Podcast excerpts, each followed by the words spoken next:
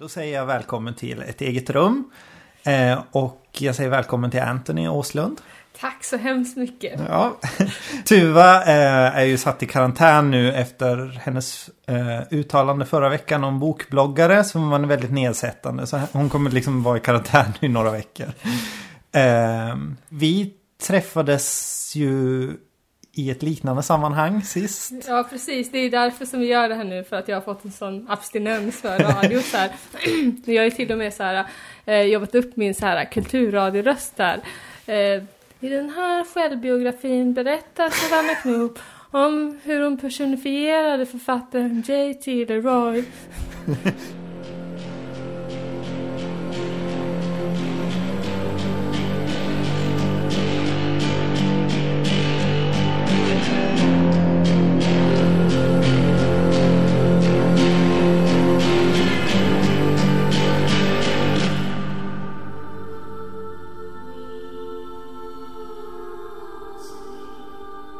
Men vi träffades ju när vi gick eh, i skolan tänkte jag säga. Ja precis, det känns så. Ja, det känns som en så här återträff. Men vi satt i lyssnarjuryn ihop i Sveriges Radio förra året, för exakt ett år sedan. Och eh, det drar ju igång typ nu, trodde Precis, du? att... Ja, vi har men- börjat få mejl från de gamla gänget liksom. Exakt, det är därför som vi liksom känner att vi måste konkurrera ut Ja, ja. i år. Vi hade ju så här ambitionen om att ha typ så här skuggbokcirkel förra året. Ja, vi, vi fick ju sån hybris, vi gick omkring där och var så här bara... Det var liksom mer än 15 minuter av kändisskap. Ja men det var det ju. Ja. Verkligen. Och var, man kände så här förra året så kände man att ja, men nästa år så kommer vi typ träffas, läsa alla böcker, prata om det och så kommer de typ ringa upp oss eller något i Ja, sändning och höra hur det gick för så här skuggbokcirkeln. Ja, exakt. Ja, men det var ju som att nu byter vi karriär, nu blir vi liksom Ja. nya så här, lyssnarjuryn på heltid och varför syssla med någonting annat överhuvudtaget? Så. Men jag har också blivit så här för att man tänker just att det är så himla jobbiga människor som är så. Så jag har försökt att inte hålla på och mejla alla för Ja. mycket. För att det känns som att man blir så här lumpen minnesperson. Att man ska så här liksom... Åh, vi måste träffas gamla gänget och så här. Och så kommer det inte vara samma. För man var ändå så här, det var så speciell situation där liksom. Ja, men då, då har du verkligen liksom övertänkt det här. Otroligt. Jag, jag, lumpen och lyssnarjuryn. Ja, jag, jag vet inte. Ja men det är en så här extrem situation och man vet man är där och det är liksom ens gränser för så här hur man, man ska prestera och så skapades det något sorts band på så här två Ja, ja. dagar tre dagar. Liksom. Ja, jo men det, det är någonting att man måste. Man känner sig lite rädd. Så att man skärper sig. ja, Helt enkelt. för när vi var med i lyssnarjuryn så skulle vi ju presentera oss för Mm. lyssnarna på något sätt. Och då fick vi så här veta att vi skulle träffa Nina Asanoy då. Som Ja. jobbar på Kino annars. Eh, och hon skulle intervjua oss då på något ställe vi själva valde. Men jag kommer inte ihåg, valde du något? Det kom ju inte med sen i programmet. Men valde du något ställe då? Nej, alltså hon ringde mig och sa att det är okej om vi ses på hotellrummet för hon hade träffat dig precis innan det var helt slut för att du hade tagit med på värsta promenaden. och jag var jätteglad för jag kände mig jättefantasilös för jag har ingen relation Ah. till Stockholm. Även om jag bott där så är det inte något jag kan inte liksom, det finns ingen speciell plats för mig där, det var därför jag flyttade därifrån. Så jag tyckte det var skönt att hon bara kom till hotellrummet. Men vad hade du planerat ändå något sådär att... Nej, alltså jag... Nej, jag hade inte kommit på någonting. Jag, jag tänkte bara att du skulle prata lite om, om böckerna. Jag tog med en massa böcker. Ja. Och sen så typ var jag så nervös för att träffa henne, vilket var totalt onödigt för hon är ju jättetrevlig liksom. Eh, Men eh, så då drack jag typ två Red Bull. vilket gjorde att jag gjorde så här perfekt för intervju. Och sen så sov jag inte någonting på hela natten så var jag ett vrak när inspelningen Ah, ja var. just det, det. Ja, var det därför? Mm, För jag skulle- den? Jag, jag skulle- trodde bara det var att du var nervös och sov dåligt. Men just Nej, det, jag kommer ihåg skulle det. chillat mer inför Nina. Då hade jag varit så här. Ja, men jag var verkligen ett vrak också inför att träffa henne. Ja, Och sen när hon kom och så hade jag också googlat henne och sett Mm. att hon var på Kino. Och jag var så här, nej fan hon har ju typ säkert så här träffat typ Ja men inte vet jag, Sofia Coppola eller någonting. Mm. Och så ska hon nu ska hon träffa mig och hon, jag tänkte så här Det här är någonting som hon inte vill göra liksom. Jag vet inte vad jag fick för mig. Men hon var ju typ en av dem jag bondade mest med Ja. kändes det som där. Hon var ju så himla Man blev väldigt avslappnad också av att jag vet. få Jag, den. jag kommer ihåg att jag berättade så här hela min livshistoria och sen var jag tvungen att säga så efteråt, men ta inte med någonting personligt. Bara kände säkert att hon kunde ta med fem sekunder eller något av allt jag sagt.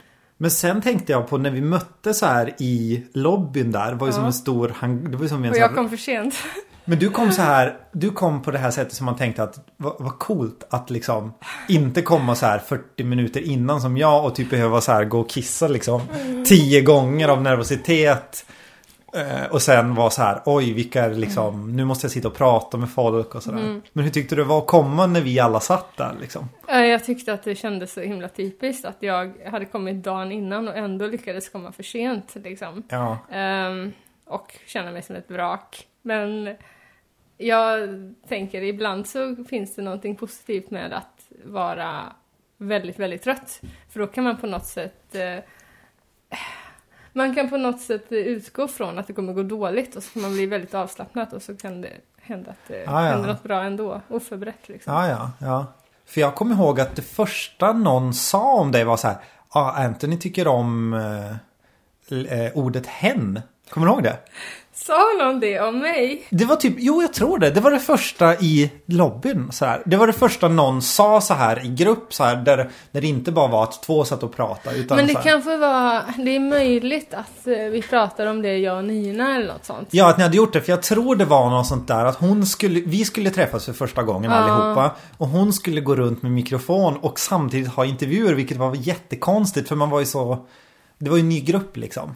Ja, men jo men det var väl att de undrar vilket pronomen man vill använda och sådär. Så det var säkert därför. men jag tyckte det var så här så himla jobbigt att så tänkte jag så här okej är det så här det ska börja med att det ska bli den här töntiga hen-diskussionen Ja. liksom. Och att du ska behöva stå liksom att börja så här. Mm. Eh, för jag, jag visste liksom inte vilka alla var. Det var ju så Nej, olika nej. åldrar och så, här, så jag tänkte Ja. här sitter det säkert någon nu som kommer börja och störa sig och så kommer folk känna sig ifrågasatta och det kommer Mm. bli så här. Det är ju inget bra sätt att börja på liksom så här. Nej men vi slapp ju den debatten. så- Jo, men jag tänkte du, du kommer inte ihåg det som, som trauma som jag kommer ihåg Nej, det. nej, inte alls. Jaha, men gud. För när du kom in så tänkte jag så här, åh vad skönt, någon som typ jag kan så här identifiera mig med. Dig måste jag så här klänga mig fast i liksom. Om, för jag var så himla nervös också. Och så tänkte jag, åh nej, började så här liksom. Ja. Sådär. Men du var mer lugn liksom. Jag var mer bara totalt livrädd för mikrofonerna som skulle ut i etern. Det kändes ungefär som att simma på 10 000 meters djup. Så att jag var nog inte så nervös för er eller för Nähä. några sådana ämnen utan mer för att jag skulle göra bort mig. Jaha, det var, Sverige, inte, det typ. var inte gruppen liksom Nej. som var... Nähä. Totalt olika upplevelser. Ja, vad konstigt. Och att jag också har upplevt, inte då bara för dig, men jag upplevde det som att ändå att här liksom presenteras du med någonting som ska vara, som är nästan en debatt. Liksom. Men det där känner jag igen, att man kan känna det här obehaget inför andra. Ja. Att man, man tänker så här, åh nej, nu kommer någon att liksom häva ur sig de här Ja. personerna inför den här personen. Ja. Och hur, vad, hur ska jag, ska jag då vara ställföreträdande eller ska jag dra Ja. mig, hålla mig i bakgrunden? Vad ska jag ha för position liksom?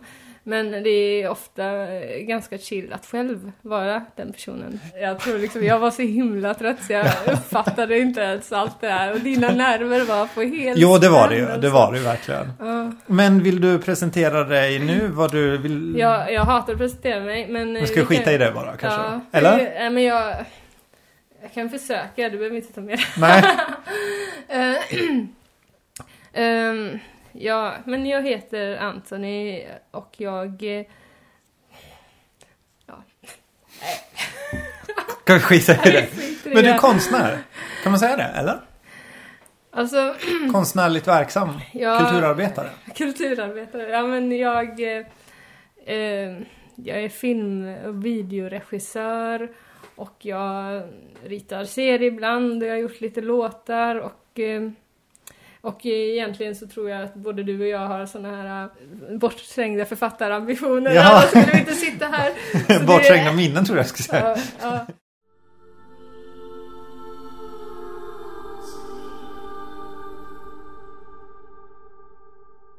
Ska vi prata om, gå in och prata om boken? ja, eller? vi bara så tassar runt det. Ja.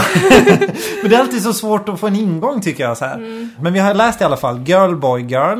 eh, Med undertiteln How I became JT Leroy. Säger du JT Leroy eller Leroy? Ja, jag säger nog Leroy, men det kan för fel. Nej men vi säger Leroy då ja, tycker jag bara. Ja, precis. Ja, eh, och den är skriven av Savannah Knoop. Knoop. Ja. Eller är det fel? Ja, nej, jag, jag tycker vi säger, jag har också sagt Knoop. Det låter nästan så här holländskt eller någonting.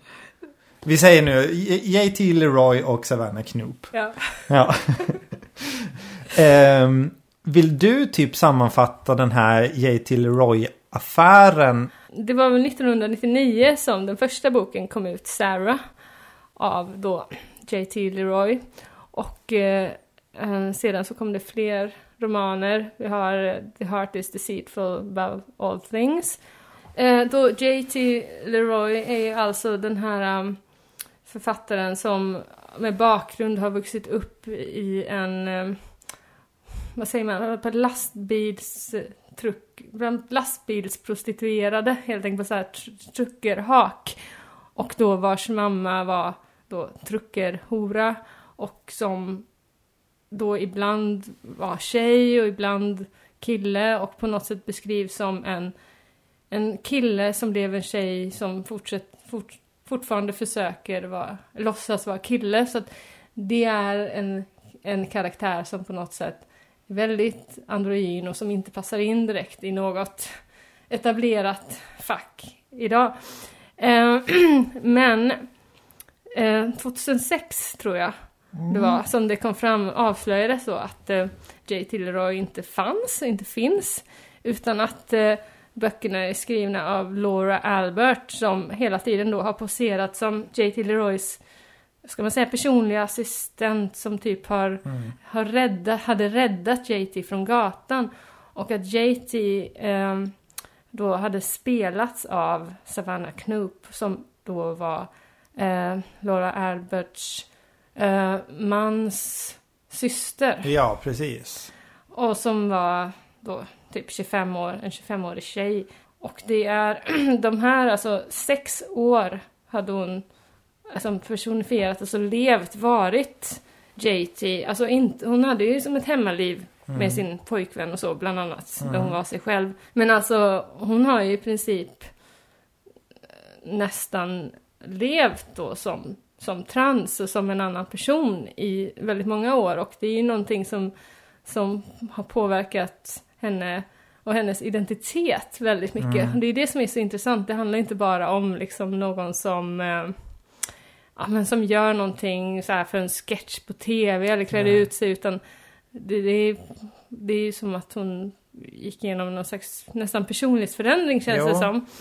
Alltså det börjar ju av en jättekonkret anledning att de behöver ett författarfoto till en bok. Sen behöver de någon som ska vara i intervjuer som inte bara är via telefon. Så det är ju liksom ett sånt konkret problem som ska lösas bara genom att hon börjar med det.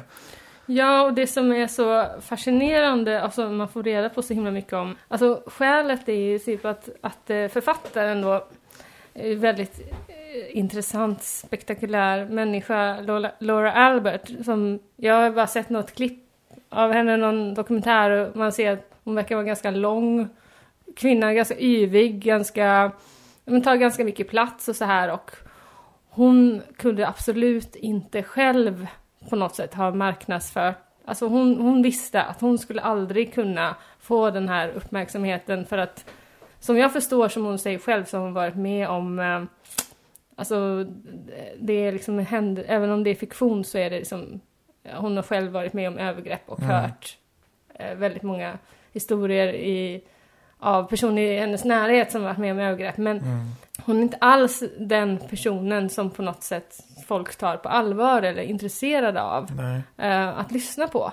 Och, eh, men hon har en otrolig talang då alltså på att eh, förställa rösten och på att eh, ja, men spela teater. Så att hon hade innan då Savannah kom in i bilden eh, liksom pratat som JT. Alltså hon har gjort det ända sedan hon var ganska ung. Hon hade tydligen eh, ringt till sådana, vad säger man, hotlines, sådana sexlinjer. Ja, just det. Och eh, innan hon ens kom på JT, eller i början så hade hon ringt och bara berättat de här historierna i form av, liksom som en kille, för att på något sätt hitta ett filter att Ja. få, få ut det här. Och sen så hittade hon på JT och så ehm, så, att, så att hon kunde liksom prata som, som JT och sen så när Savannah skulle då träffa journalister som JT, då var hon tvungen att också prata likadant som Ja. Laura hade pratat med dem i telefon. Vilket Ja. ju var ganska svårt. Men då säger Laura det här som är väldigt intressant eftersom hon, hon pratar ju då cockney hela tiden. Ja. När hon är i den här um, rollen som Speedy. Just det. Speedy är ju den då som har räddat J.T. Leroy från gatan då liksom. Och varit någon sorts tuffare, lite så här eh, extra mamma på något sätt nästan. ja, och då, Beskyddare. Och hon kan liksom prata cockney men sen kan hon lägga av med det efter en halvtimme. Ja, det tyckte folk- jag var fascinerande. Ja, och folk märker inte det för att hon säger det att när, man köper ju saker, man går inte omkring och är misstänksam. Om någon presenterar sig som någonting så tror vi på det. Så Ja. då kan du komma med massa så här äh, motsägelsefull information sen Ja. i efterhand. Som att det verkar som att i början så var JT eh, liksom hade han HIV och sen så slutade de att prata om det. Och då Ja.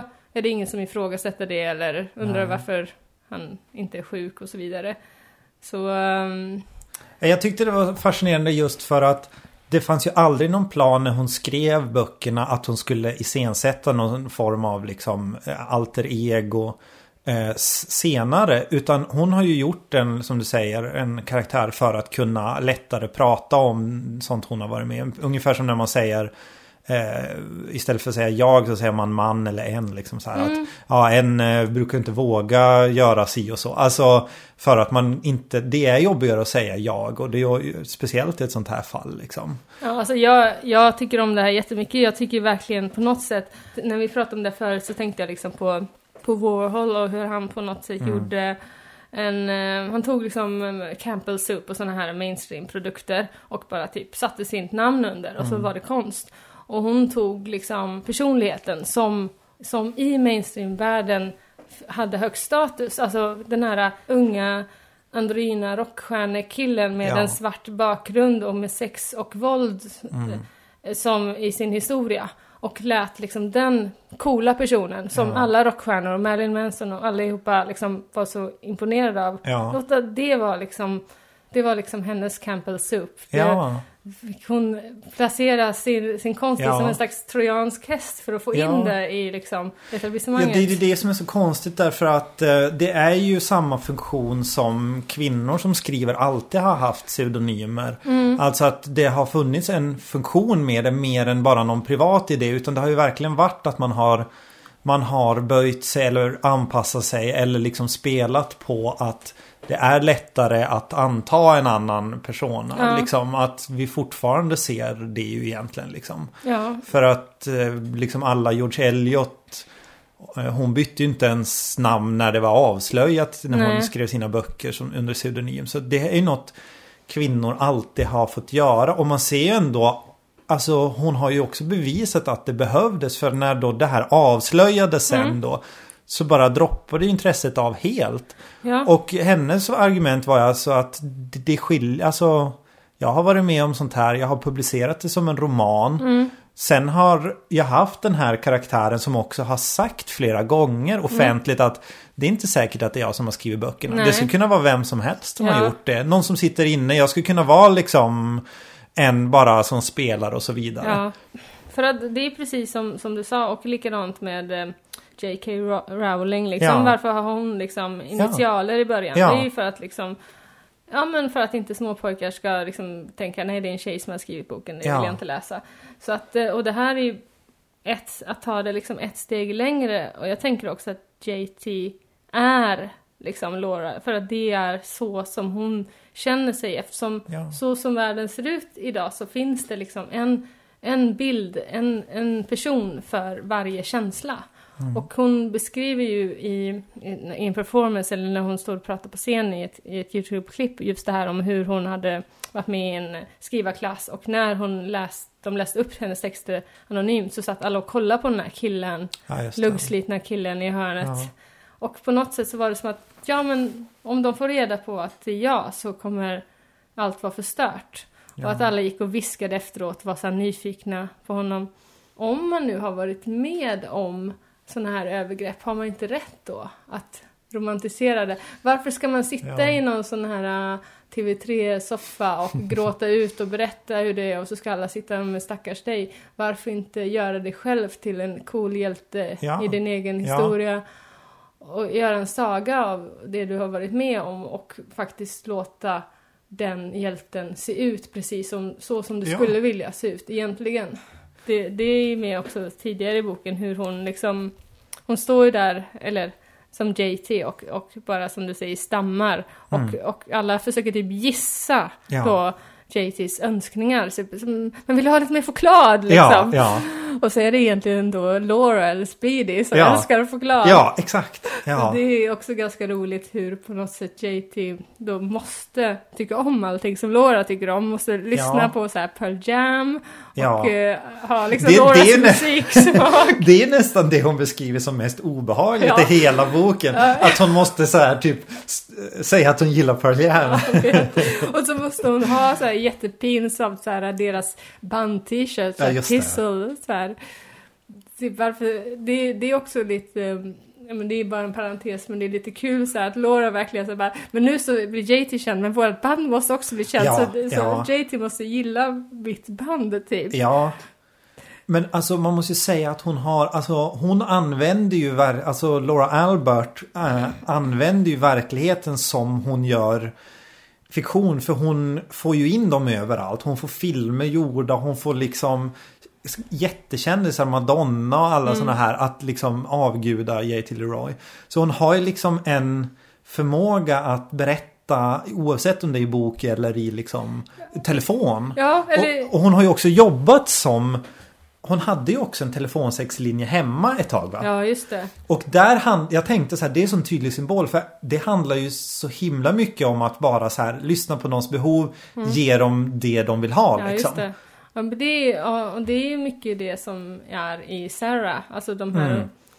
hur de här olika eh, som jobbar som prostituerade då tävlar om att få den här eh, second sight eller, eller vad de pratar om att de, de ska kunna liksom bara känna den här torskens det, behov och, att, just och det det. är liksom en ädel förmåga. Just det, att de typ bara ska här, känna in auran. Så här, den, han gillar det här Ja. liksom. Och så ska man bara kunna...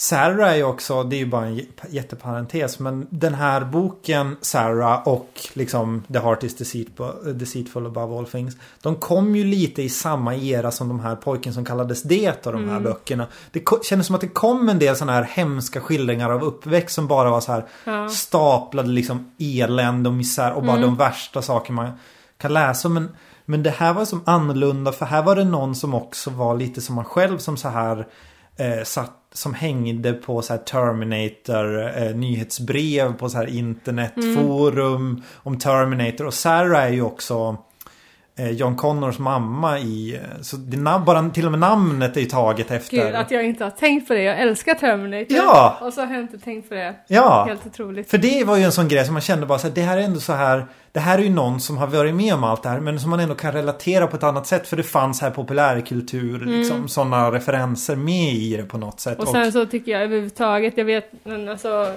att jämföra det med den här vedervärdiga pojken som kallades det, det Ja. går ju liksom inte att göra. Nej. Det är inte litteratur liksom. Nej, alltså det är ju som bara en inköpslista av övergrepp. Ja. Det ju, finns ju noll skildring i det. Men jag tror faktiskt att vissa läste J.T. Leroy som annars bara läser kanske typ de, Mm. Dave Eggers, de här. Det kom väl typ fyra böcker. Alla blir ju bara värre och värre i dem liksom. Jag vet, och sen så vet jag inte om jag är typ förhärdad, men jag har nog aldrig liksom läst de här böckerna och liksom känt så här, åh nej, åh gud vad hemskt, och nu händer det och nu händer det, utan jag har nog mer så här känt eh, liksom tyngdpunkten av, av, av fiktion och, Mm. och de här, alltså den komiska vinkeln och eh, fantasifullheten och Alltså det är ju väldigt mycket att den som blir utsatt för övergrepp kanske lämnar kroppen och Mm. Fantiserar och, och föreställer sig, alltså en genomgående tema är väldigt mycket att det som är det värsta och det vidrigaste beteendet som en vuxen kan Mm. visa mot ett barn beskrivs som kärlek och som närhet och som någonting fint. Mm. Och jag tänker nästan när jag läser att jag går på det här, alltså om, om det beskrivs som fint så och, och att personen beskriver att den känner en, så här, en varm känsla. Ja. Då känner jag den varma känslan. Ja, ja, Alltså, ja. jag, går liksom, jag följer liksom med i den här liksom, upp och nervända världen. Mm. Och, och det är egentligen bara ibland som, som jag rycks till, rycker till och tänker så här, men gud det här är fasansfullt och Ja, ja, så. jag tror att en del som läser där kanske mer förfasar sig bara och nu ska inte jag liksom sitta och säga att mitt sätt att läsa är bättre men då tycker jag liksom att man missar själva konsten i det hela om Ja. man bara ser det så. Ja, för de var ju så jävla bra skrivna de böckerna också. Och jag fick liksom en helt annan bild av den här som spelade då, om vi ska säga, som spelade JT Leroy.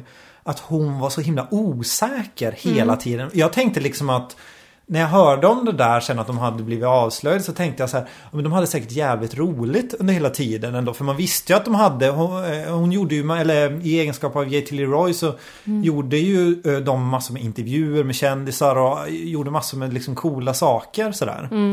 Men liksom det börjar ju med att hon är så himla osäker hela tiden liksom. Och hon typ, som när hon träffar den här eh, Asia Argento.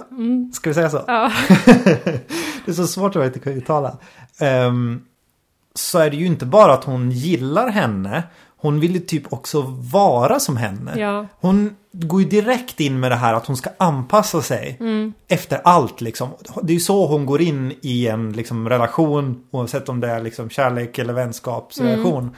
Att hon måste anpassa sig och hon vill imponera. Ja. Och allting. Och då är det ju ändå i egenskap av J.T. Leroy som är en person som alla vill vara kring. Liksom. jag vet inte, jag kunde nog liksom identifiera mig ganska mycket med det här liksom som eh, ändå som en person som på något sätt har levt så här med lite dubbel könsidentitet. För att jag kan verkligen förstå det där att man gillar någon och man vet inte om man vill ha den eller om man Ja. vill vara som den och man kan inte riktigt skilja de här två känslorna åt.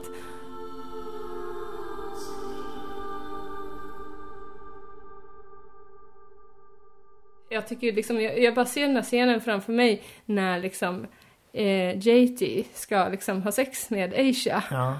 För JT presenteras ju som en kille men samtidigt så Ja, så, då så säger liksom ehm, JT till Asia att, eh, att eh, henne har gjort typ könskorrigering Mm. och att det är klart. För att kunna typ klä av sig kläderna Ja, ja. som Savannah.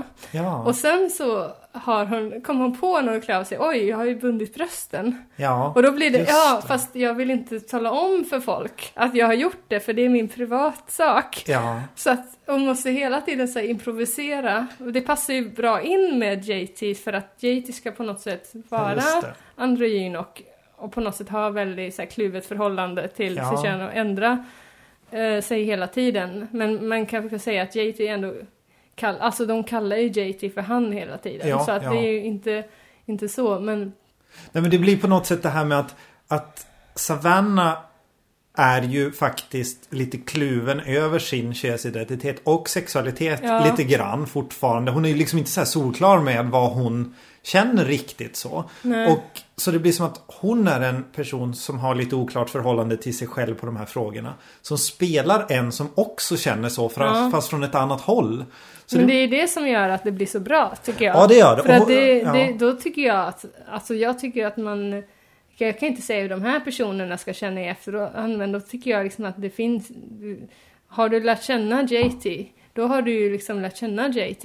Fast då har du två JT, du har både Laura Ja. och Savannah. ja. Men det, det är ju inget som är falskt, det är bara liksom lite uppdelat på Ja. två, eller vad man ska Ja. säga. Plus ännu mer. Ja, jo men det, ja verkligen. Men alltså sådana upplevelser som att bli tillsagd i toalettkön eller Mm. att liksom tänka på hur man sitter, att dölja brösten, att Mm. oroa sig efter om är röven för stor nu för att Mm. passera som en kille och så vidare. Det är ju liksom saker som du tänker på om du överhuvudtaget är i transvärlden överhuvudtaget så att du behöver ju inte vara transsexuell, du kan ju bara vara, ha liksom vara crossdresser eller överhuvudtaget vilja presentera dig manligt Ja. i vissa situationer ibland för, för att vara i den Ja. situationen. Så det är ju någonting som är väldigt lätt att känna igen sig i och Jag tycker det är så kränkande också så här hela, ra- hela tiden igenom boken är det så här att det är massor med människor som tar sig så här frihet att påstå saker om den personens kön eller um, ifrågasätta och så vidare. Mm. Och det är i sammanhang där det inte spelar någon roll överhuvudtaget heller. Mm. Alltså det är så här Det är främlingar och det är så här um, eh, Folk som säger liksom att ja, men du pratar du låter ju som en kvinna på rösten. Och, Ja. Alltså det känns som att man klär av den personen så himla mycket genom att påpeka sådana där saker. Till och med em, den här Mary Ellen Mark då som ändå är positivt inställd till hela den här Mm. Ja. grejen. Även efter att det har liksom kommit fram så verkar hon ha varit så här. Mm. Det är ju en känd fotograf liksom. Hon tar upp på en middag efter första gången de har jobbat ihop med en fotografering. Så Ja. säger hon något sånt där att Jag har träffat massor med transpersoner och du, du är inte som dem liksom. Nej, nej, nej. Och jag tycker det är så här, okej hon gör det ur en förstående Men vad fan måste de prata om det för ens? Jag fattar inte varför man tar upp det. Eller?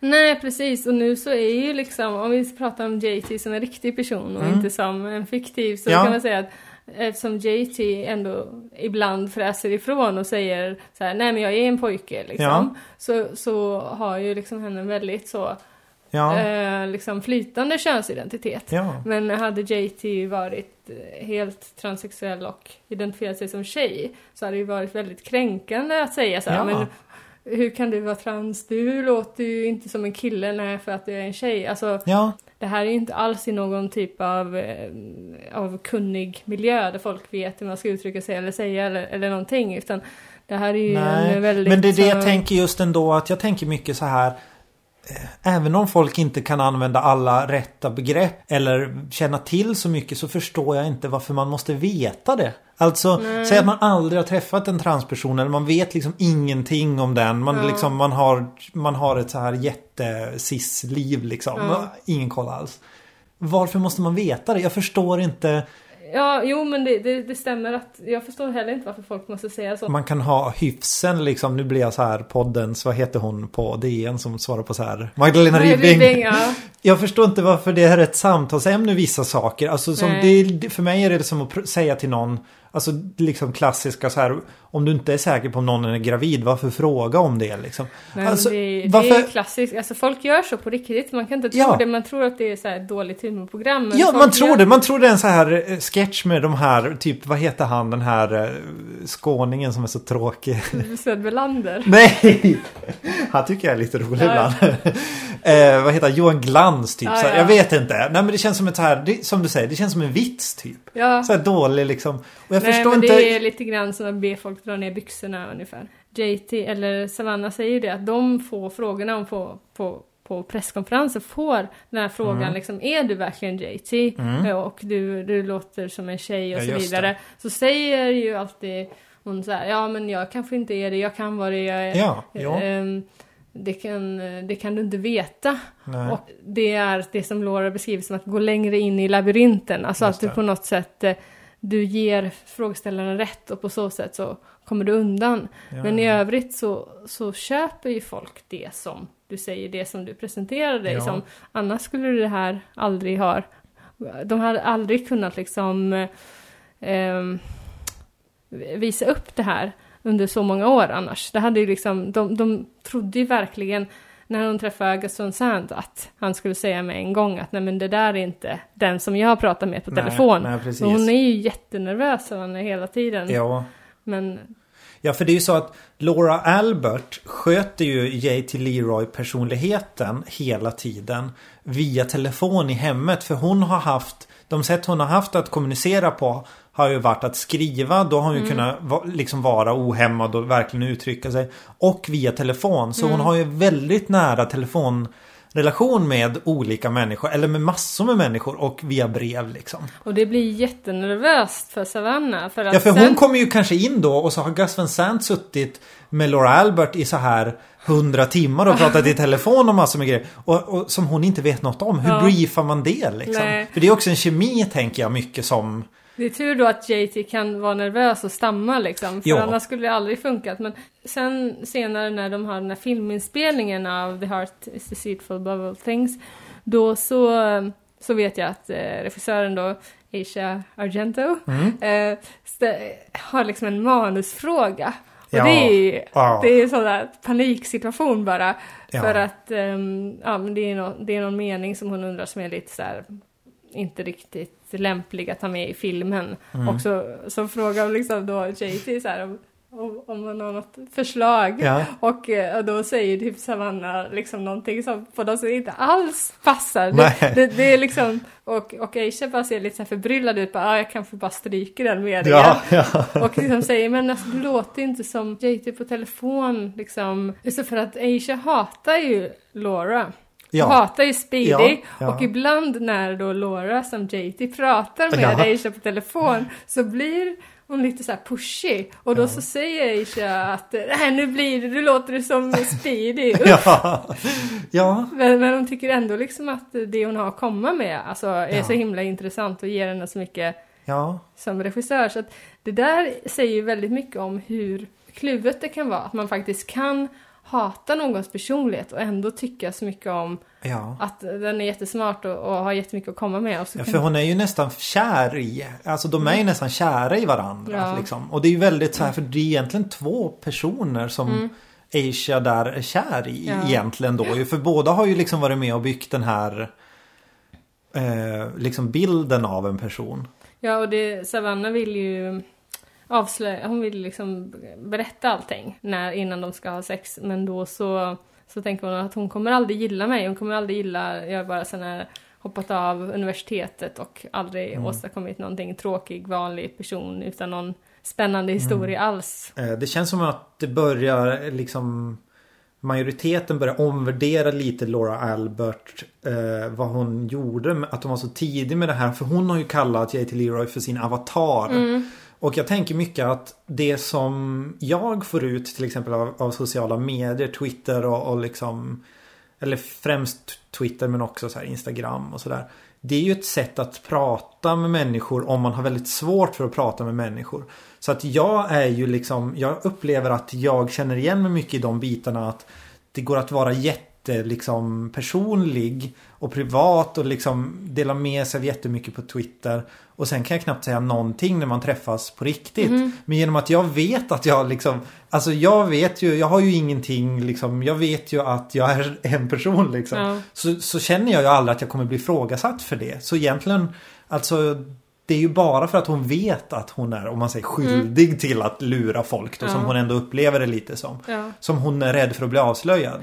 Det är, därför jag, det är därför jag också hatar när folk säger så här om internet att Jaha men ni har inte träffats på riktigt. Och då är det så här, jag, har, jag har pratat med den här personen jätte, jätte, jättemycket om saker jag inte pratar med folk om på riktigt utanför internet. Det är så konstigt just den där eh, liksom gränsdragningen. Att det inte skulle vara på riktigt när man pratar via text då, Ja. eller liksom Det är, så, det är så lätt tycker jag när man sätter sig vid tangentbordet att öppna upp sig och skri- skriva någonting jättepersonligt. Ja. Liksom, och man kan nästan så här jag har, brukar ha som en regel typ att jag skriver det på natten och sen så läser jag igenom det på morgonen och sen så postar jag det på eftermiddagen. Aha, är det sant? Ja. Alltså om du twittrar? Inte när jag twittrar kanske, men jag raderar ganska mycket tweets på morgonen. Men kanske om jag ska skriva ett viktigt mail till någon som jag Ah. känner lite halvt om halvt sådär. Så är det så här på kvällen som jag får inspiration. På morgonen som jag är fruktansvärt kritisk och vill slänga Ja. allting. På eftermiddagen så kan jag liksom så här äh, känna så här, läsa igenom det okej och tycka att okej det där kan jag ta bort och det där kan jag behålla.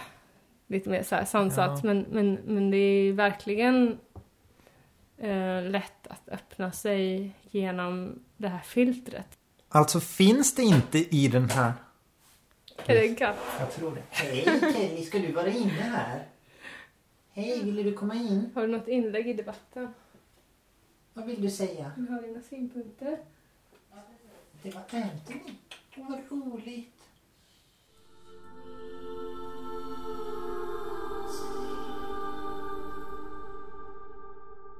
Det är ju ingen klassisk så här liksom komma ut berättelse på något sätt. Alltså hon Nej. Det tyckte jag var väldigt skönt för jag tänkte att bara det här inte nu är en sån här bok liksom. Eller det var ju det jag trodde att det var en sån här bok som bara är så här jag var med, jag blev typ eh, omdiskuterad i pressen och folk skrev felaktiga saker så nu vill jag berätta det som jag tycker det var.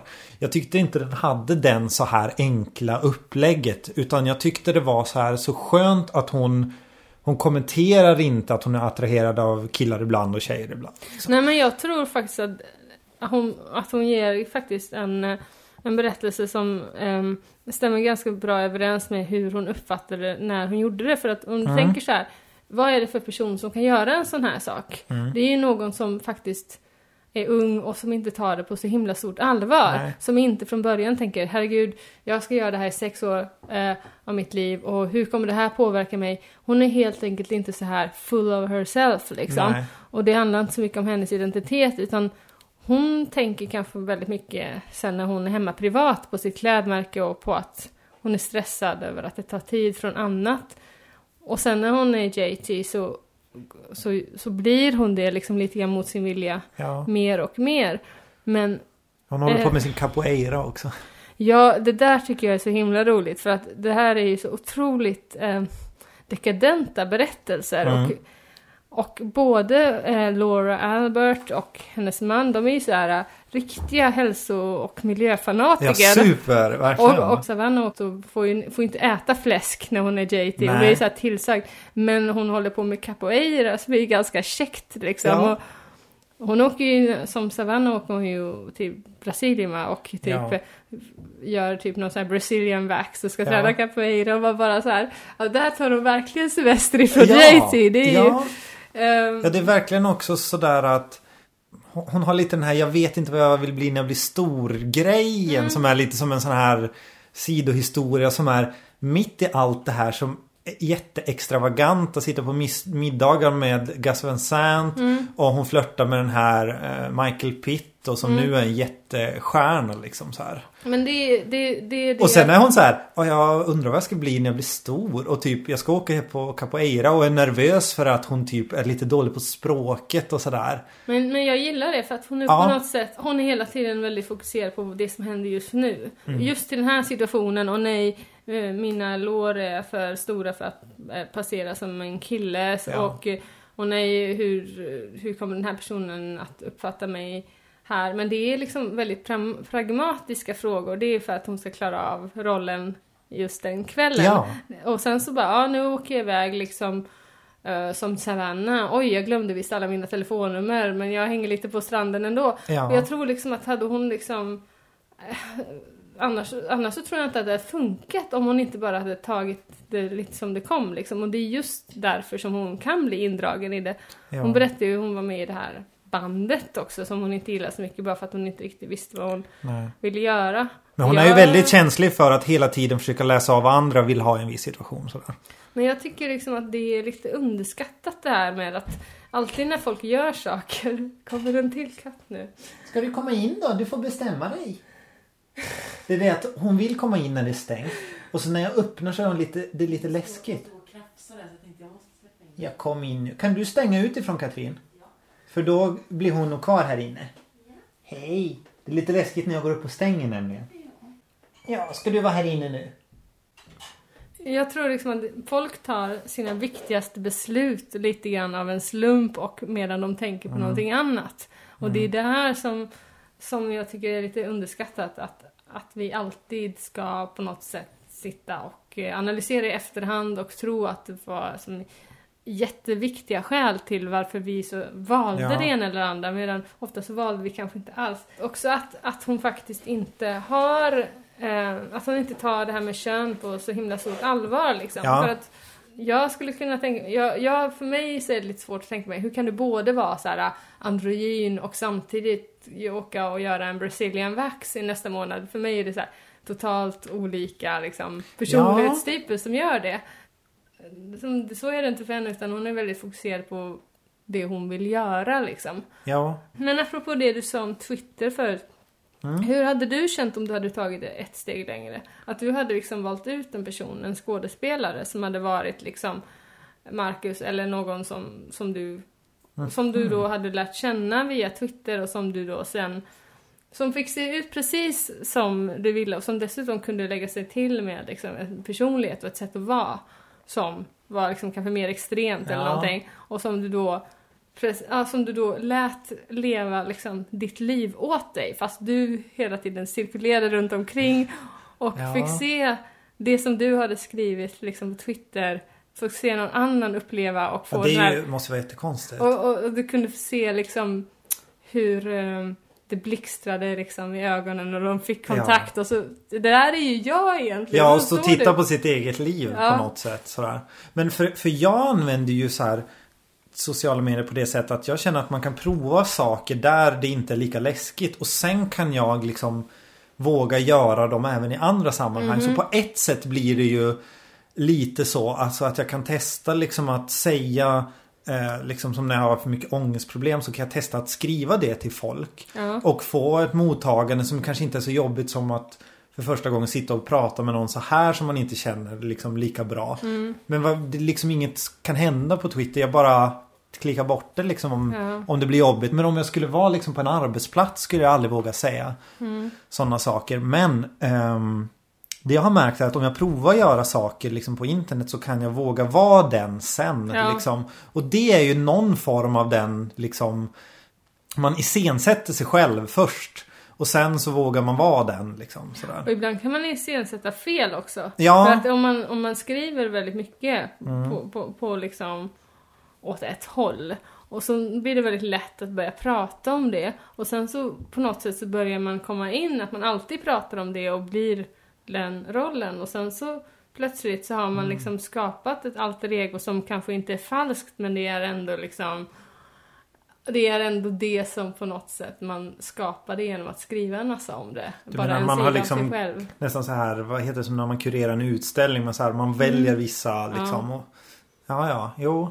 Då spelar man ju sig själv liksom. Ja, jo. och det ifrågasätter ingen. Förutom att folk ifrågasätter ju folk jättemycket när de byter stil och kanske byter Ja. eh, ideologi eller sådana saker Ja. extremt mycket. Och det händer ju, de flesta gör, eller väldigt många gör det någon gång i livet kanske. Det är just det här att gå över gränser och inte stanna på en plats verkar vara liksom jobbigt i sig. För jag har också liksom upplevt att jag inte har en liksom ett sätt att vara på. Jag skulle liksom kunna byta mer men att man väljer då någon liksom mer kanske. För att det blir alltid kommentarer och man måste alltid förklara sig om man he helt plötsligt en dag kommer som någon annan då i folks ögon. Alltså på något sätt att jaha vad är det här nu liksom? Ja men det där tycker jag är väldigt, väldigt uppenbart. Jag menar, jag minns en gång som jag åkte till London för att se en spelning till exempel. Mm. Och jag hade liksom jobbat jättemycket med ett väldigt hårt fysiskt arbete och inte sovit någonting.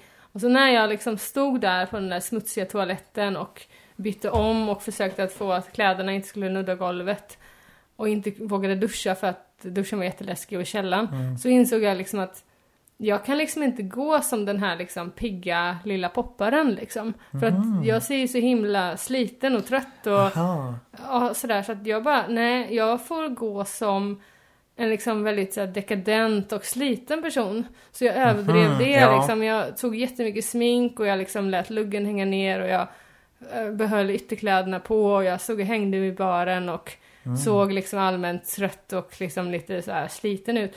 För att det var den, det var den enda rollen jag kunde spela trovärdigt Ja, den ja. kvällen. Hade jag försökt liksom att piffa till mig så mycket jag kunde och, och låtsas vara glad och, Mm. och fräsch, då hade jag ju liksom haft jättedåligt självförtroende och bara känt hela tiden hur, och nej, jag luktar svett från flyget och Alltså, jag så att eh, jag tycker liksom man, man blir lite grann intvingad i den rollen som ens kropp och fysik för Mm. tillfället ger en. Och det är därför som jag tycker att det är så otrolig frihet måste det vara att faktiskt skita i det som, som ens kropp har och bestämma nej, alltså den här rollen, den här personligheten som jag vill vara det måste jag ha en annan kropp till. Så då ger jag det en annan kropp. Det är den här som ser ut Mm. Ja. så här och har det här rörelsemönstret och det här sättet att uttrycka sig. Och då är man helt befriad från sina egna, eller Mm. inte ens sina egna utan just den kroppen Ja. man bor i. Inklusive de s- psykologiska maneren, eller Ja. så här begränsningar. Men det finns det inte alltid som förståelse för. Jag menar, jag känner ju personer i olika sammanhang som använder olika pronomen för mig. Och Ja. det blir ju lite så här. awkward när de personerna träffar varandra. För att, Jaha, för så att, sett. för att jag är nog lite grann som Savannah där, att jag liksom kör på det som passar bäst i situationen. Mm. säga att jag, ja men liksom, ja men det spelar ingen större roll och jag har ingen lust att ha värsta identitetsdiskussionen Nej, varje nej. gång jag träffar någon utan ja men vi kan ta det som det var senast Ja, ja, ja. det spelar ingen roll. Men då märker jag att de om de säger, en säger hon och en säger han och en säger hen, då, då tittar de på varandra och så, så blir de så rädda för att... eh, Ja, det blir på något sätt, vad är rätt svar nu? Säg nu liksom. Ä- Fast, blir det fast, de, den? vågar- fast de vågar inte fråga utan Nej. det blir det här äh, spända och jag liksom tycker att det är lite roligt men samtidigt så tycker jag lite synd om dem. Och sen så, så måste jag nästan typ byta ämne för att vi inte ska Ja. börja prata om någonting så att inte frågan ska dyka upp för att det blir så det, det kanske inte jag vill prata om liksom.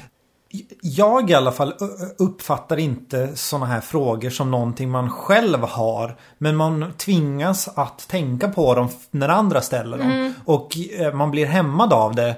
För att man vet att andra hela tiden tänker det eller Ja. ser det. Alltså upplever du det också att man liksom...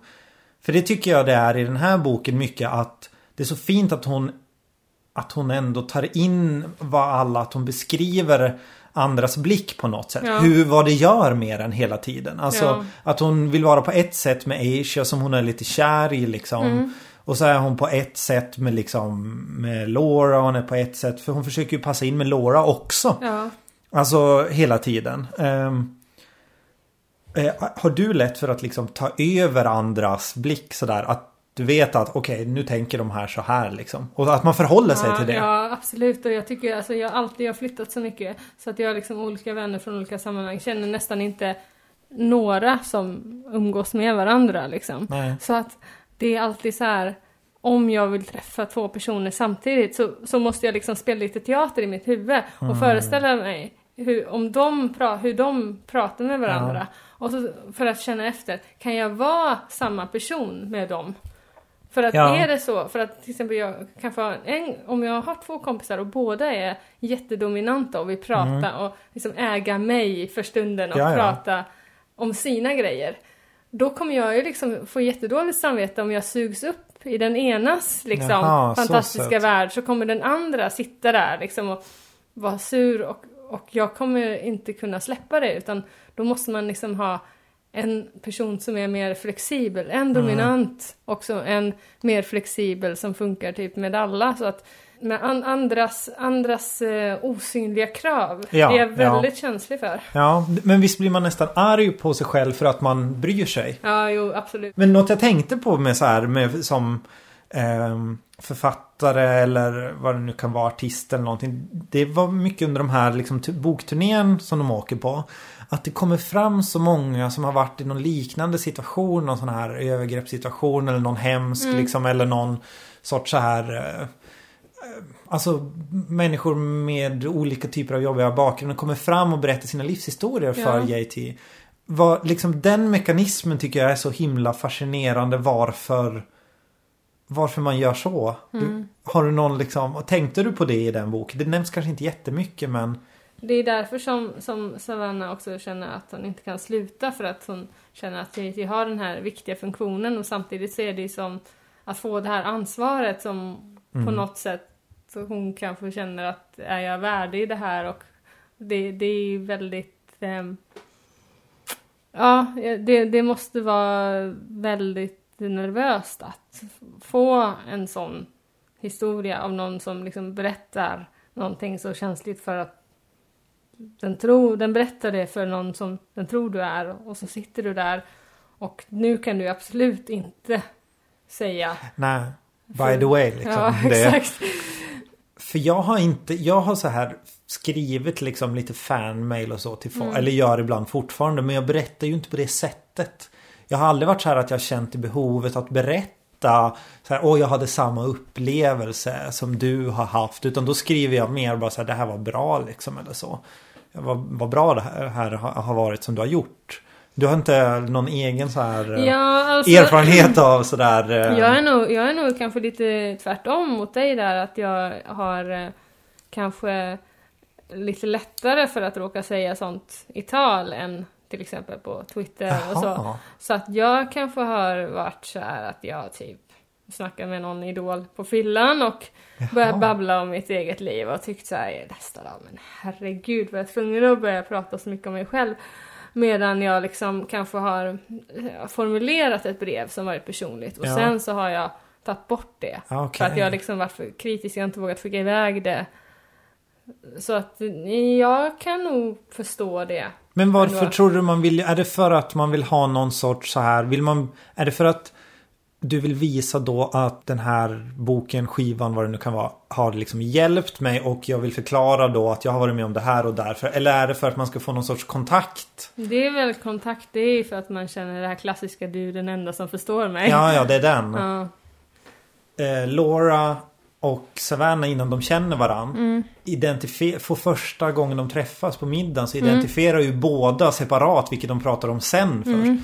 Att båda ser på varandra att de har någon form av ätstörning. Ja, just det. Att de har det problemet. Och sen så ser ju hon det också på någon annan. På Asia eller? Nej, Nej. det är nog på Laura hon Är det ser- bara på Laura? För jag hade för mig det var på någon till. Och det var liksom sådana här saker som, som jag inte alls kände till. Att hon hade liksom utskjutande käkar eller Ja. någonting. Så att hon hade tuggat så mycket. Ja. hon fått käkmuskler. Och så kan de nästan så här, sen när de...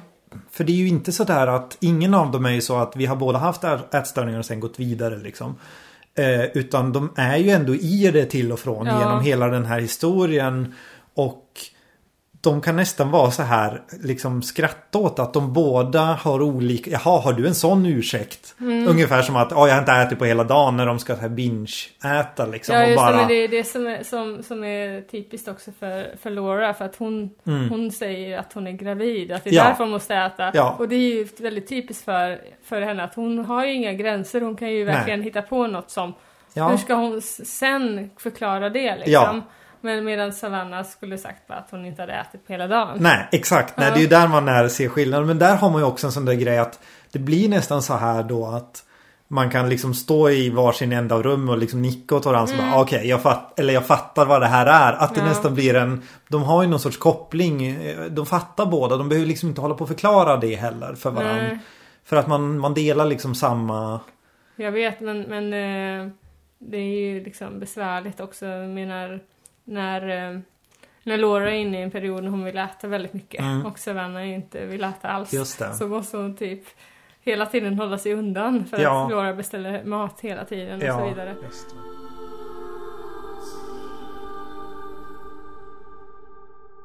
det. Kanske var när den här boken kom ut eller så men Laura tyck, tycker ju liksom Jay-Z bara är hennes. Och Ja. liksom vill inte att Savannah ska komma och liksom och ta liksom anspråk på det här. Men det måste hon ju få göra såklart på något sätt. Ja. Men, eh, men eh, jag vet inte alls hur Fast det är Laura, idag. men Laura slash Speedy framstår ju i den här boken som väldigt osympatisk. Mm. Måste man ändå säga. Alltså det är ju inte mycket positivt i den. Nej men det är det som jag tänker att hon, hon vet om det. Hon, hon spelar mycket teater och hon tar väldigt mycket plats och har grova skämt och Mm. yviga rörelser och så Ja. vidare. Att hon hade aldrig kunnat liksom marknadsföra Nej, boken nej. som sig själv. Eh, även, även om hon hade haft skrivit under J.T. Leroy Ja. som, som pseudonym så det hade liksom inte funkat. Nej men det är ju det lite att hon, det är väl kanske också det folk blir provocerade av. Att hon har på något sätt tagit också, hon har hittat ett sätt att ta Mm. det som är allra mest liksom makt i att vara man. Och tagit det och använt det liksom. Och s- så får man liksom bara inte göra då, tycker väl folk. Eller liksom. som du sa, att du har tagit liksom den här jätte liksom, spännande, Mm, eh, söta, coola personen som, Mm. alla, som alla älskar. Har liksom har någon som är otrevlig, som många tycker illa om. Ja. Producerat. Ja. Ja. och, och, och det som är så ironiskt är att ja men det är ju klart som fan att hon har. Det var ju precis det hon behövde. Ja, ja, exakt.